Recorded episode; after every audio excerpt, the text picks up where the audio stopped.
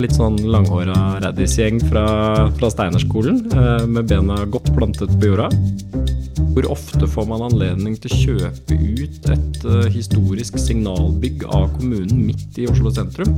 Det, det, tror jeg ikke kommer til å skje så fryktelig mange ganger til i min levetid. Det sier aldri nei. Det er mitt prinsipp. På den tiden uh, i livet hvor jeg faktisk hadde litt tid, så begynte jeg å male. Da handler det jo rett og slett bare om timing. Når gjør du det beste kjøpet? Bak fasaden med DJ og Rønne. En podkast fra Estate Media. Velkommen til Bak fasaden med Dirjo Rønne. Jeg heter Dag Jørgen Santnes. Og jeg heter Silje Rønne. Det blir litt sånn eh, Det klinger godt nå. Klinger bra. Og det klinger enda bedre når vi får med oss Andreas Juel Røsje. Han er administrerende direktør i Møller Eiendom. Velkommen, Andreas. Takk for det. Du leder jo da et selskap, eiendomsselskap som har sitt utspring fra bilbransjen. Og det begynte med at selskapet skulle ha eiendommer til bilforretningene sine. Ja, det stemmer. Eh, de har eh, drevet i eiendomsvirksomhet så lenge som de har drevet med bil, og det er jo tilbake til 1936. Eh, og så har det jo vært egentlig to løp da, med å utvikle eiendomsselskap internt i Møller. Først gjennom denne oppsplittingen som ble et arveoppgjør hvor Skage Eiendom ble spunnet ut for drøyt 20 år siden. Og så nå senere Møller Eiendom, som ble spunnet ut som et rendyrket eiendomsselskap i 2010. Så vi har da en drøyt ti år med, som selvstendig eiendomsvirksomhet. Mm. Og dere er da dere er jo ikke så kjent for eh, bileiendommer i eiendomsbransjen. Dere er blitt kjent som en av de virkelig store og dyktige byutviklerne. Ja, Det har vel liksom vært litt tanken, da. Eh, litt av strategien når dette skjedde i 2010, var jo å eh, for all del fortsette å forvalte bileiendom, men også kunne selge unna og reinvestere de midlene i annen type eiendomsvirksomhet for å kunne diversifisere risikoen hos eierne våre. Så når vi starta i 2010, så hadde vi vel rundt 70% av porteføljen som uh, bileiendom, uh, og i dag er det rundt 30 bare litt apropos det, jeg tror jeg faktisk jeg fikk litt sånn kjeft noen ganger hver gang jeg skrev Møller-gruppen ja. om eiendomsvirksomheten. Og det er fortsatt folk som holder på med sånt. Ja, Nei, det, det, skal ikke vi gjøre, Silje. Nei, det må dere ikke Nei, gjøre. Du, vi, får vi kjeft, så tar vi det til oss. Men eh, for er det ca. fem år siden du tok over for uh, Ola Gjørts? Ja, jeg tror det er fire og et halvt, ja. Og så ja. tror jeg Ola var ute døra for ca. fem og et halvt år siden, så det var et år i limbo der. Ja. Hva, hva, hva skjedde der? Ja, nei, det får du spørre noen andre enn meg om. Men uh, det var nå i hvert fall uh, si en, et selskap som nok kanskje var moden for en litt annen type ledelse. Ola har vært formidabel i å måtte bygge dette opp fra start. Uh, men så har vi gått inn i en fase hvor man har tatt på seg mye prosjektvolum, man har måttet ansette mye folk og bygge kanskje mer systemer og strukturer og, og rett og slett bygge en stor organisasjon. Da. Og den fasen har jeg fått lov til å være med på.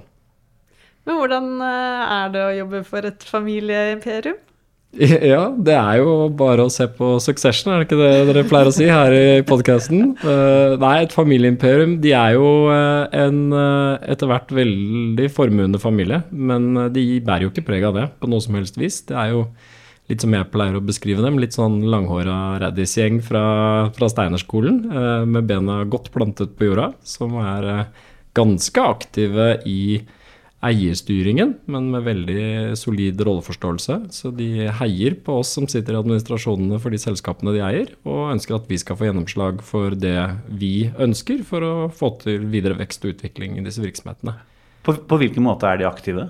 Ehm, de er aktive i styrerepresentasjon. Eh, så det er vel da tre av fire familiegrener som sitter i mitt styre. Men i tillegg så sitter det jo da mellom fire og fem eksterne. Og de er jo ganske tilbakelente tilbakelent i styrerommet. De er veldig opptatt av å bruke de eksterne, kall det fagekspertene, da, de har satt inn i styret som, til å være meningsbærere. Og så er jo selvfølgelig dialogen eh, tett mellom meg og styreformann. Eh, og i tillegg så har jeg jo da eh, han som er styreformann og daglig leder i Års, mitt morselskap, som jeg også har ganske hyppig kontakt med. Mm. Og så har jo de bygget etter hvert en ganske stor struktur da, opp i dette morselskapet Års. Fordi vi er jo en stor virksomhet i seg selv, men etter hvert så har jo systemet blitt veldig stort. Både på bil og på eiendom og på direkteinvesteringer og kapitalforvaltning. Men Føler du at du har frie tøyler, eller forholdsvis frie tøyler? Ja, overraskende frie tøyler, egentlig. Eh, jeg kom jo fra børsnotert og tenkte at dette var jo å si, rene gamblingen å starte nå med eh, hos en familie som hva visste jeg, kanskje satt hjemme på kjøkkenbordet på søndagskvelden og tok de reelle beslutningene. Men det har jeg jo skjønt at det ikke er tilfellet i det hele tatt. Så det er, jeg føler absolutt at vi har eh, god påvirkning på hvordan vi ønsker at virksomheten skal rulle videre. For du kommer fra AFI-gruppen. Ja. Og så har dere hatt en ganske voldsom vekst. Og det, det har, dere har jo uttrykt noen mål også om hvor mye eiendom dere skal ha. Og dere har jo økt porteføljen med flere milliarder siden du starta. Men hva, hva er liksom hva er det dere har gjort? Hva, hvorfor har dere fått det til? Og holdt på å si, hva har vært mandatet ditt? Altså, det er en kombinasjon av flere ting. Vi skal jo ikke legge skjul på at vi har drevet av 12-13 år i et fantastisk eiendomsmarked, eh, hvor det rett og slett skal eh, skapes eh, store verdier. Eh, og når vi har hatt mål om å skape 10% avkastning på verdijustert egenkapital i året, så har vi vel klart nesten eh, litt over det dobbelte, faktisk. Noen og 20. Så har vi kanskje gjort det litt bedre enn markedet, og det er jo bra. Eh, Og da tror jeg det handler om at vi eh, både har vært eh, opportunistiske på veien, altså rett og slett eh, kjøpt og solgt og timet og gjort eh, jeg håper å si gode deals, rett og slett. Eh, Og at vi da hele tiden har hatt med en ganske stor utviklingsarm. Da. Både at vi har utviklet eiendom på vegne av søstervirksomhet Bil og solgt unna til relativt gode verdier, eh, og at vi har gjort andre gode investeringer eh, på veien. Og så er jo dette med si, disse målsetningene rundt uh, totalportefølje uh, er jo også veldig påvirket av hvilket rentebilde vi står i, og hvordan gildene slår ut. Og det kommer jo nå til kanskje å ha en litt negativ eller motsatt uh, effekt framover. Så nå har vi vært litt forsiktige. og tenker at nå skal vi ikke uttrykke oss i, i porteføljeverdi lenger. Nå skal vi snakke om kontantstrøm. Hvor mye leie vi har får inn, rett og slett. Ja, for dere har jo mye kontor, og dere har vel rundt sånn 100 eiendommer ish. Mm. Eh, noe bolig og logistikk også. Ja, bolig er veldig lite. Vi hadde egentlig ikke et boligmandat før inntil for noen år siden, eh, men det har vi nå. Eh, men det er nok eh, tenkt hos oss en litt sånn tredeling av porteføljen. Ca. en tredjedel i kontor, men gjerne litt mer. En overvekt, det aksepterer vi, og den er vel rundt 40% nå. Gjerne opp mot 30% i logistikk, eh, men der har vi da bevisst valgt å selge oss litt ned når gildene var sylskarpe, eh, og er jo for så vidt godt fornøyd med det, mens vi har mange utviklingsposisjoner på logistikk. Og den siste tredjedelen i bil. eh, Og da ligger det igjen en tiende 10 som er litt sånn diverse. Der kan vi gjøre bolig, vi kan gjøre hotell, vi kan gjøre handel, som vi for så vidt har litt eksponering i. Og så syns vi jo det aller morsomste er å gjøre litt sånn miksen av alle formålene. Har du et parkeringsanlegg som kunne funket bedre? Ta kontakt med OnePark. Vi leverer enkel og effektiv parkering, og du får fornøyde bilister og en mer lønnsom drift. Sjekk ut onepark.no. Vi gjør dine parkeringsplasser mer lønnsomme. Dere har jo fått veldig mye oppmerksomhet for eh, kjøpet av eh, Deichmanske. Eh, Hva er planen der? Ja, det skal vi vel sikkert flagge i Estate utover eh, høsten eller tidlig neste vår. Men eh, vi har jo for så vidt sagt det når vi kjøpte det, at vi ønsker å bygge en multifunksjonell storstue for byen. Eh, vi oppfatter jo at vi har kjøpt et bygg som kommer til å få en ekstremt sentral plassering vis-à-vis dette nye kontorkomplekset med 6000 arbeidsplasser langs en helt fantastisk park som knytter sammen områder av byen som tidligere ikke har vært så godt sammenknyttet. Og vi har sagt vi skal satse på fotografi. Eh, Det handler jo litt om eh, familien og eierskapets eh, interesse for foto. Møller har vel Norges største privateide fotografisamling. Så den skal inn i huset, i tillegg sannsynligvis til noe kommersielt rundt fotografi, som vi ikke er klare for å gå ut med ennå. Og så blir det servering, bevertning. Sikkert en i hvert fall fem-seks ulike steder eh, i alle kategorier. Restaurant, bar etc. Um, og så blir det et stort eh, konferanse- og eventhus. Som for så vidt kan minne litt om hvordan det har vært brukt etter at eh, kommunen la ned biblioteksvirksomheten sin. Det har vært veldig mye store, flotte arrangementer der.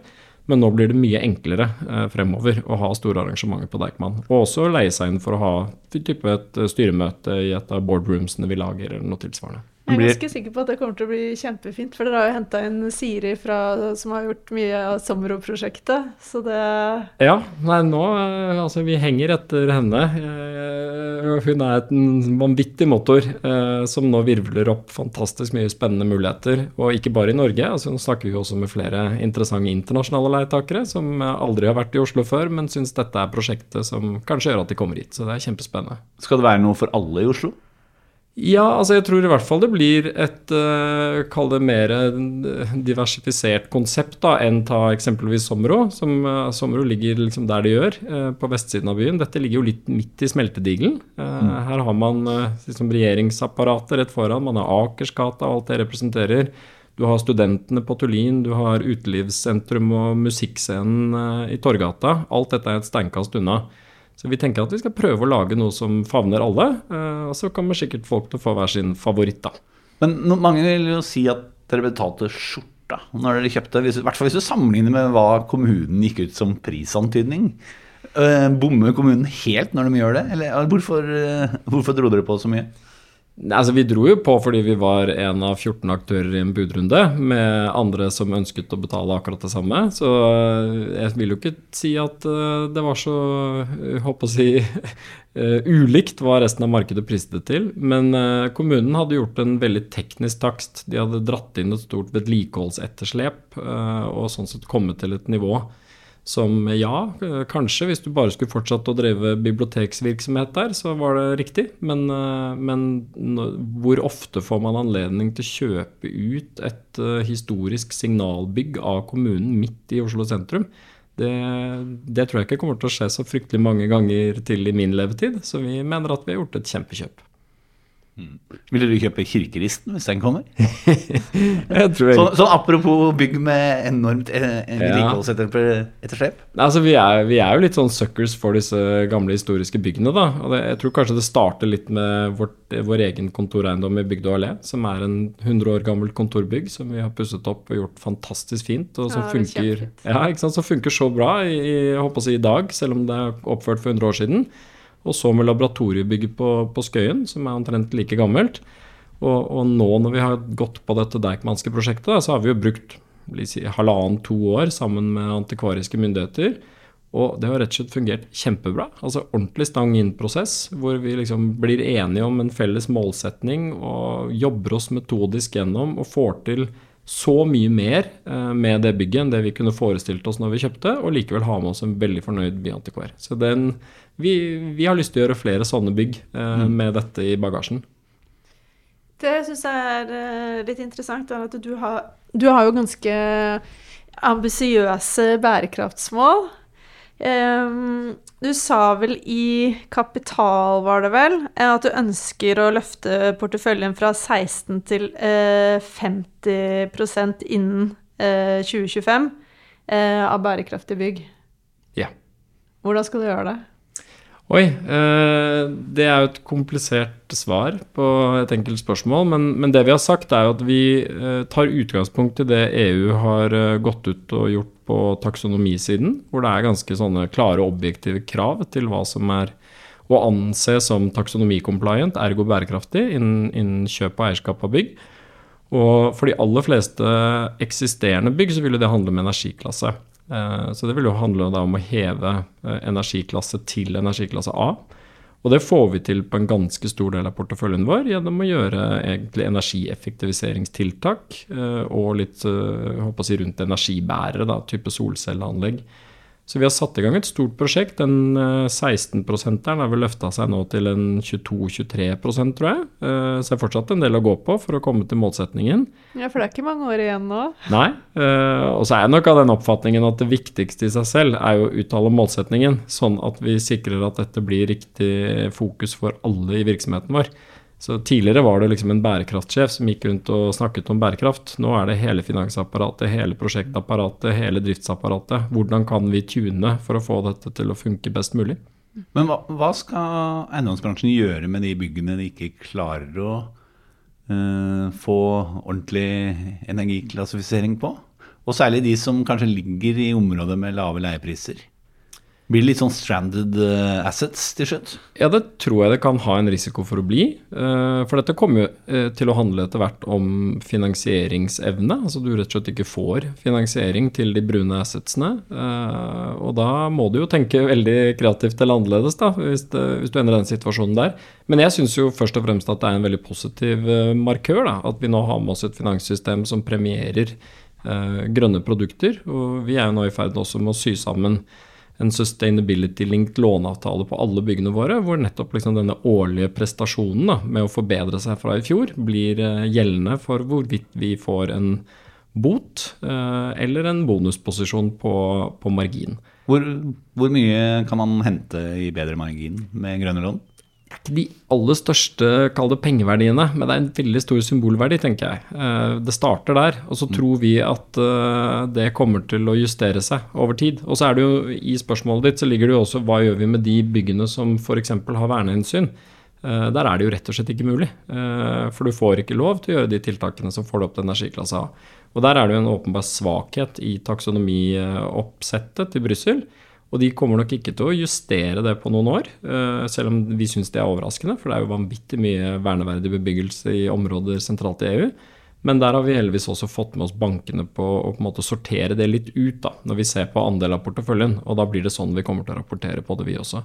Så skal vi gjøre så mye vi kan, også på de eiendommene, men vi får dem ikke til en energiklasse A. Dette er lyden av norsk næringsliv. Akkurat nå tas det små og store valg som kan bli avgjørende for fremtiden. Med økonomisystemet X-Ledger tas disse beslutningene basert på informasjon i samtid, slik at drømmer og ambisjoner kan bli virkelighet. Få kontroll og oversikt, gå inn på xledger.no.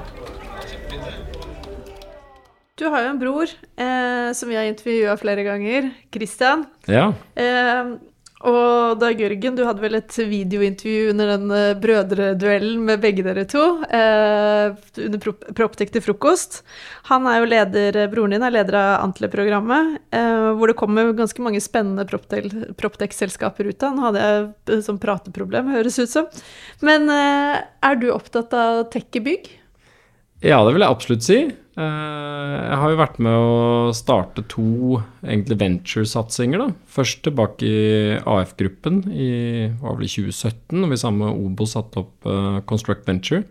Så du er en av de som putta penger inn i Det var ikke anledning til å putte penger i det selv når man satt i et børsnotert selskap, men vi var jo, den første investeringen vi gjorde, var jo Spacemaker. Ja. Og da ser jo ting veldig lekende lett ut, da, når du triller ut en sånn vanvittig verdi på første investering. Men vi gjorde en del andre ting også.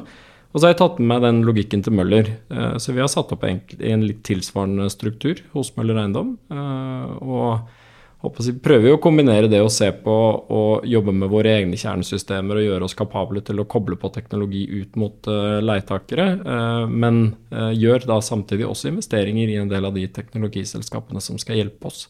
Hvordan opplever du de teknologiselskapene? For nå har jo vært eh, hva skal jeg si, det har vært mye solskinnshistorier, og det har vært lett å hente penger for, eh, for mange. Men opplever du at selskapene leverer, eller er det litt sånn, eh, hva skal jeg si, litt sånn blanda drops? Altså, jeg tror det er greit også for den sfæren ja, at det kommer en liten korreksjon. For det er jo ikke sånn at en powerpoint egentlig er verdt 100 millioner kroner. Uh, så man uh, Ja, for det er jo noen voldsomme verdisettelser der ute. Eh, og det burde nok ikke kunne få fortsette på den måten det var uh, i ferd med å gjøre. Så det tror jeg er helt greit. Men eh, jeg syns jo jeg ser at mange av de som vi har investert i, de, eh, de fortsetter å levere jevnt og trutt. Det er jo selvfølgelig en større kapitaltørke, men jevnt over så har vi investert i de som både har produserer litt løpende cashflow, og som har en litt edruelig pengebruk. Og så ser de at det er litt færre kalde caser å teste ut på om dagen, fordi det er lite nybygg. Mens i driftssituasjonen så er det en, noe annet. Eh, Og så tror jeg jo at alle disse nye virksomhetene som da gjør tech innenfor kall bærekraft og energi, eh, der er det jo ikke blitt noe kapitaltørke. Der er det jo mer spennende enn noen gang. Nå, jo, nå koster det jo penger med strøm i Norge, eh, og det skal det gjøre en stund fremover. Kanskje alltid. Og det er en ny situasjon. Men da du skulle inn i arbeidslivet, men du ville opprinnelig bli arkitekt Ja, hadde vel en tanke om det. Blir jo ikke arkitekt på BI, vel? Nei, gjør ikke det, vet du. Eh, men fornuften seiret, så da ble det økonomiutdannelse i stedet. Så jeg, jeg la nok den litt vekk for noen år. Altså, jeg jobbet ikke noe som kunne minne om eh, noe arkitektvirksomhet de første årene av mitt arbeidsliv. Nei, for da var du konsulent i Capgemini. Gemini. Mm. Hva var det viktigste du lærte der? Ehm, jeg vil jo si liksom evnen til å strukturere en problemstilling. eh, og på en måte gjøre eh, Lage et godt beslutningsunderlag, sånn at det var raskt og, enkelt å komme videre. Eh, og det å på en måte tørre å gå på en hvilken som helst problemstilling og vite at man har en løsning. Fikk en veldig fin verktøykasse av å være der. For det er vel bratt læringskurve, kan jeg se for meg. Rett fra skolebenken eh, til konsulent. Veldig. Veldig ukomfortabelt til tider. Du blir hevet ut i seanser hvor du skal stå og holde foredrag på engelsk for 200 mennesker om et tema du begynner å lese om dagen før, eh, og skal være ekspert. Det er en klassisk konsulenttilværelse. Eh, Men det lærer man mye av. Så- Liker du det? Nei, men, men jeg liker Altså, jeg sier aldri nei. Det er mitt prinsipp. Hvis noen gir meg en utfordring, så sier jeg ja. Eh, Og da må man jo bare stå i det, og så blir det jo ålreit. Noen ganger bra. Det er godt å vite. Ja, det, ja. det skal vi bruke mot deg. senere Ja, du klipper vekk det nå etterpå, for angret jeg meg. Nei, men det er faktisk viktig for meg. Eh, man skal eh, være litt utenfor komfortsonen. Men da, når du da går og blir tatt opp i konsernledelsen som 30-åring i AF-gruppen, det er vel òg litt utenfor komfort? Ja, det var utenfor komfortsonen. Uh, ja, nei, fytterakkeren. Det var eh, Det var jo veldig gøy å bli spurt, og det var jo ikke noe mulighet til å si nei. Uh, men jeg hadde nok to år der hvor jeg liksom jobba livskiten av meg for å forsøke å bevise uh, for omverdenen og meg selv at dette var et klokt valg. Men så kommer man inn i det, da. Mm. og så funker det. Så jeg er veldig glad for at jeg tok den utfordringen. De er jo veldig flinke til å satse, eller i hvert fall som jeg har forstått, at de er flinke til å satse på unge mennesker der. Mm. Eh, hvordan, eh, det, har den reisen, hvordan var reisen din der? Ja, altså jeg var jo konsulent og, og ble vel litt lei liksom på andre-tredje året der. Og begynte å jobbe med AF som et kundecase. Og den gangen så var eh, oppgaven å liksom skape en annen type virksomhetstype til AF som eh, ikke var stor, tung prosjektindustri. Så det var jo liksom opprinnelsen til det som ble en virksomhetsområde energi. da, Å jobbe med energibruk i bygninger og etter hvert miljø, miljøtiltak. Så øh, hoppet jeg over når jeg ble spurt om å komme dit, og det var det jo ingen som skjønte noe av. AF-gruppen var ikke et selskapsnavn folk hadde noe, noe forhold til. Uh, I hvert fall ikke utenfor ingeniørhøyskolene. Så, men jeg var jo der i, i mange år og gjorde veldig mange ulike oppgaver. Men hele tiden så bar det jo liksom preg av at eh, man fikk, eh, man fikk store muligheter på tross av ung alder. Da. Altså det var et eh, mantra i, i AF som er er du god nok, så er du gammel nok. Ja, det liker jeg. Eh, ja, eh, og det er jo veldig fint prinsipp å ta med seg videre også, når man Ja. jobber med egne medarbeidere. Men har du tatt med deg videre til eh, Møller?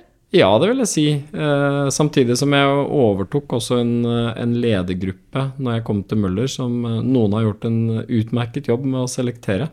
Eh, så det har ikke vært eh, de store mulighetene rundt mitt bord etter at jeg kom dit, rett og slett fordi at jeg allerede er omringet av flinke folk. Men vi har jo bygd en organisasjon på veien da, som har doblet seg, og hvor vi absolutt søker ungt talent og har fått inn veldig mye unge, flinke folk som er neste generasjons Møller Eiendom ledergruppe og ledelse.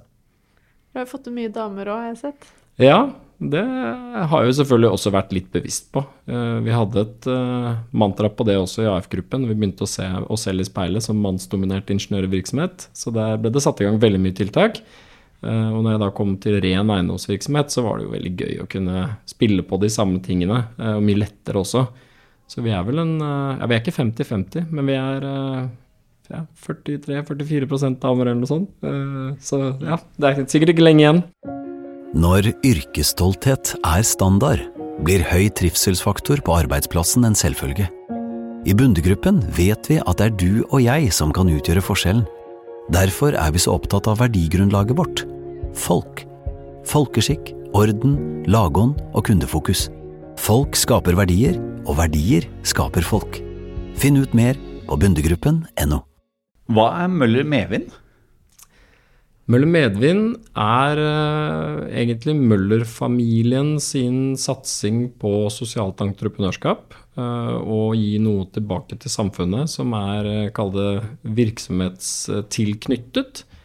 Eh, Så de hadde en lang periode hvor de, å de ga penger til ulike veldedige formål og, og på en måte ønsket å bidra, men de syntes ikke de fikk så mye igjen for det, annet enn en klapp på skulderen, og hadde lyst til å gjøre noe mer eh, systematisk. Da. Eh, Så da satte de opp denne virksomheten hvor de har egentlig tatt tak i bilklargjøring som et, et, en virksomhetstype som har vært veldig preget av mye svart arbeidskraft og, og ulovlig virksomhet. Og så begynte de da å rekruttere inn eh, folk fra Nav som, er, eh, som har falt utenfor arbeidslivet. Eh, og som de da tilbyr fulle, faste stillinger til, og gir de en mulighet for å utvikle seg videre i livet. Skape, skape seg en fast bosituasjon, kanskje kjøpe bolig, kjøpe bil. Ting som har vært helt utenkelig for disse menneskene før. Eh, og det har jo blitt en ganske stor virksomhet. Eh, de har vel dratt gjennom en 50-60 stykker gjennom det programmet. Og nå prøver vi å bredde den til andre virksomhetstyper. Da. Så vi har tatt den med oss til eiendomsvirksomheten også.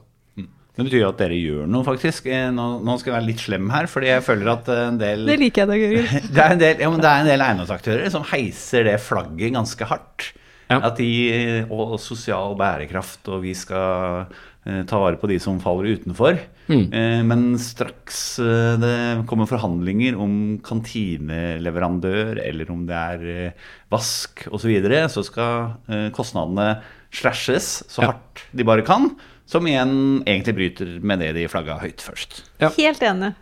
Det, har, ja, det er vel som du sier, det kommer jo med en kostnad. altså Dette prosjektet til Møllerne det har gått, det har jo ikke vært gratis, eh, men det har absolutt vært verdt det. Og, og nå, Det er jo først nå vi tar det til eiendomsvirksomheten. Vi har vel holdt på da med vårt Medvind eiendomsservice i to år, men det skalerer vi opp nå. Og nå skal vi ha inn etter hvert ganske mange vaktmestere, som da er liksom ufaglærte, kommer via den, disse kanalene. Dette kan være folk som har sovet under ei bru i, i ni måneder, eller eh, vært eh, kriminelle eller hatt ekstremt krevende oppvekstvilkår, som da skal inn i en jobbsituasjon på en måte som krever ekstremt mye av oss som arbeidsgiver også å tilrettelegge for. Men får vi det ordentlig til, så ønsker vi jo at det skal være noe vi også si, kommersielt kan satse på, at andre kan, eh, kan også engasjere våre medvindvaktmestere. Og vi har startet også så smått da, sammen med For Service på kantinedrift. Uh, reft ditt eksempel, da. På vårt Møller Medvind Arena oppe på Alfaset. Kjempespennende. Mm. Noe helt annet. Eh, nylig så debuterte jo Stig Beck med en kunstutstilling, men du har jo vært eh, ute lenge før han. Eh, med solgt over 100 bilder. Ja. Det begynner å bli en liten stund siden, da. Ja. Eh, Det var liksom på den tiden i livet hvor jeg faktisk hadde litt tid. eh, Så begynte jeg å male. Startet vel egentlig med at jeg skulle flytte sammen med hun jeg nå er gift med, og vi trengte noe på veggene. Og ikke hadde vi råd til å kjøpe kunst, og ikke hadde vi lyst til å kjøpe plakater på Ikea. Så da var det å kjøpe seg noen lerreter og litt maling og begynne å, å prøve seg fram. Og så ble det etter hvert et ganske stort prosjekt, da, som endte opp i litt galleriutstillinger og en del salg. Det var veldig morsomt, men uh, tidkrevende. Hva malte du da? Ja, altså store, abstrakte lerreter. Så større, større størrelser jo bedre, eller større formater jo bedre. Og ja, eller det er veldig vanskelig å prøve å forklare, men eh, Betyr det at vi ikke skjønner hva motivet er? egentlig? Eh, Nei, tidvis så kunne dere nok gjøre det òg. Men det er liksom fargekomposisjoner, da. Eh, så jeg har drevet litt med det sånn uten å si det til noen, også de siste årene. Så du maler fortsatt? Ja, lite grann. Eh, og så kommer det tilbake, tenker jeg. Men nå får jeg pleiet kunstinteressen min på andre områder. Ja, for det at, eh, på kontoret så har dere jo en fantastisk eh, kunstutstilling. Ja. Mest fotokunst er det vel kanskje? Ja, det er vel utelukkende foto. eh, og vi samarbeider da med Møllersamlingen, sånn at vi også kan bruke disse fotografiene ute i kontorbyggene våre. Så vi har en seks-syv leietakere som eh, Eller bygg, da, som nyter veldig godt av det. Og den leietakeren som vel har den største utstillingen til hver tid, er Mesh i, eh, i Møllergata. Eh, De har vel rundt 100 motiver. Og så jobber vi da med hun som er kurator internt i Møllersamlingen for å lage nye utstillinger både på vårt kontor og alle disse andre byggene. Så det er en veldig fin signatur. Er du fotointeressert? Eller Jeg har blitt det. Foto? Ja. Ja, jeg har blitt det. Jeg sitter med i innkjøpskomiteen for eh, fotografisamlingen. Og er jo da bl.a. med ut og reiser på internasjonale fotomesser. Så det har vi gjort da både i Paris og i London. Og da får du jo servert ekstremt mye, da. Og sammen med liksom kompetente folk, i både kurator og i Harald Møller, som er veldig kompetent selv, så begynner man å utvikle et, et øye for det. Så jeg begynte å kjøpe litt selv òg. Veldig gøy. Er du glad i å reise? Eh, Ja, det er jeg. Eh, Ikke bare se på eh, holdt på å si kunst og fotosamlinger. Men hva gjør du da når du reiser? Eh, ja, vi, eller jeg og vi reiser veldig mye. Uh, vi reiser mye på ski, Uh, for jeg har en aktiv familie med tre alpinbarn og en alpinkone. Så da er det jo Sveits og Østerrike, i tillegg til alle disse breene rundt om. Men så reiser vi mye på storbyferier, og også til lang, altså, sommer, lenge, lenge, ja, mer lang, langt unna. Ja. Men jeg har hørt at du er veldig opptatt av hotell også. Uh, har du tre favoritthotell? Eller eh, noen hotell du syns er veldig kule? Ja, altså man blir jo opptatt av hotell når man er ute og reiser, og så har jeg blitt litt mer opptatt av det nå når vi eh, jobber med å utvikle hotellprosjekt selv. Men eh, ja, tre hotellanbefalinger? Ja, altså Én, i hvert fall. da.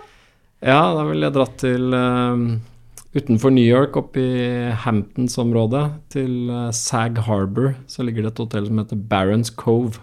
Det er vel et av de absolutt hyggeligste hotellene jeg har bodd på, og som jeg drømmer meg tilbake til. Kult. Ja, jeg har jo stalka det på Facebook. Det er jo et sånt fast innslag som, eh, som, som jeg eh, gjør. Eh, og da fant jeg jo det portrettet om deg i Kapital. Eh, og jeg fikk liksom litt sånn inntrykk av at livet har vært sånn lekende lett for deg. Eller sånn Alt bare har gått på skinner. Uh, og da ble jeg liksom nysgjerrig, for det, det er jo ingen som Alt kan ikke bare ha vært enkelt for alle hele veien. Så da ble jeg litt nysgjerrig på hva er det vanskeligste eller det mest utfordrende du har vært igjennom? Ja, altså øh, Kanskje ikke hatt de her store utfordrende tingene i livet, nei. Uh, men jeg har jo hatt mine motganger.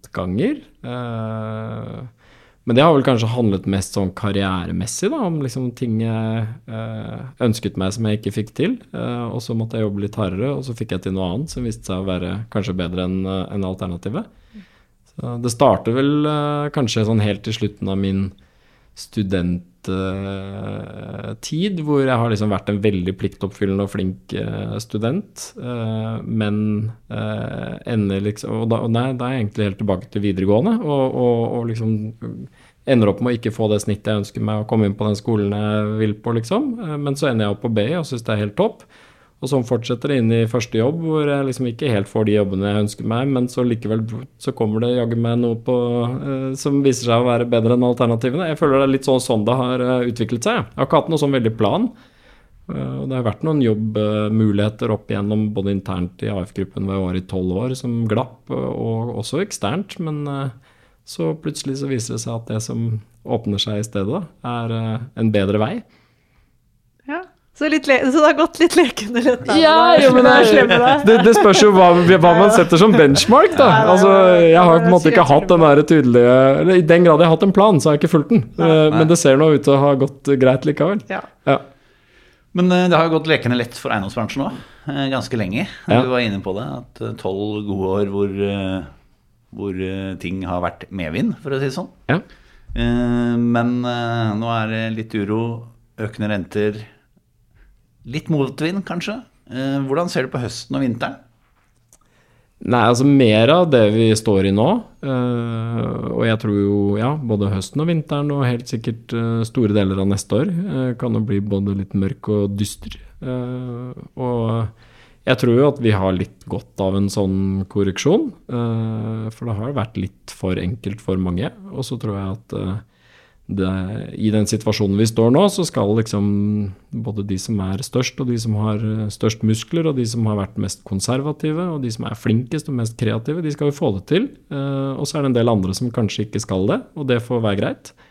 Uh, men vi opplever jo at det er Sånn, transaksjonstørke. Det blir jo ikke vanskelig å ta sommerferie i år. Kommer ikke til å sitte på vei inn i noen store transaksjoner. Eh, og det kan jo være tilfellet eh, en god stund framover. Eh, og så blir det litt sånn konsolidering rundt det vi har av prosjektmuligheter i egen portefølje. Så vi, vi, det står jo ikke stille hos oss. Vi har vanvittig mye på, på agendaen. Eh, og en organisasjon som vi liksom fullt ut trenger, og kanskje trenger vi til og med flere folk. Men, men det vil jo samtidig liksom tynge nå med høyere rentekostnader, eh, verdier som skal eh, sannsynligvis gå noe nedover. Eh, regnskapsmessige resultater som ikke vil se like flott ut som før pga. Av, av økte renter. Og en litt mer sånn anstrengt situasjon opp mot hele finansieringsmarkedet. Selv om vi liksom vi går inn i dette med veldig lav belåning, så må vi plutselig begynne å følge med på bank-covenants, liksom covenants i låneavtaler som vi ikke har eh, forholdt oss til nærmest i, i mange år. Men er dere i posisjon til å kunne kjøpe, da, hvis det kommer noen som bare må ut av en fin eiendom? Ja, det vil jeg absolutt si. Vi gjorde jo for det første dette sjakktrekket med å lette oss ut av en del store eiendommer når gilden var på sitt absolutt skarpeste. Så det er jo å kalle det tørt krutt eh, til eh, en sånn situasjon som du beskriver. Og i tillegg så har jo eierne våre vært veldig flinke da, eh, med å på en måte bunkre opp en stor krigskasse oppi mor, som er likviditet, som nettopp skal brukes til å utnytte muligheter som oppstår i sånne rom som dette. Så da handler det jo rett og slett bare om timing. Når gjør du det beste kjøpet? Og jeg er litt usikker på om det er liksom på første salgsdag eller i løpet av de første salgsukene. Jeg tror kanskje vi skal vente litt til før vi ser de aller største mulighetene som vi skal hive oss på. Bak fasaden med DJ og Rønne.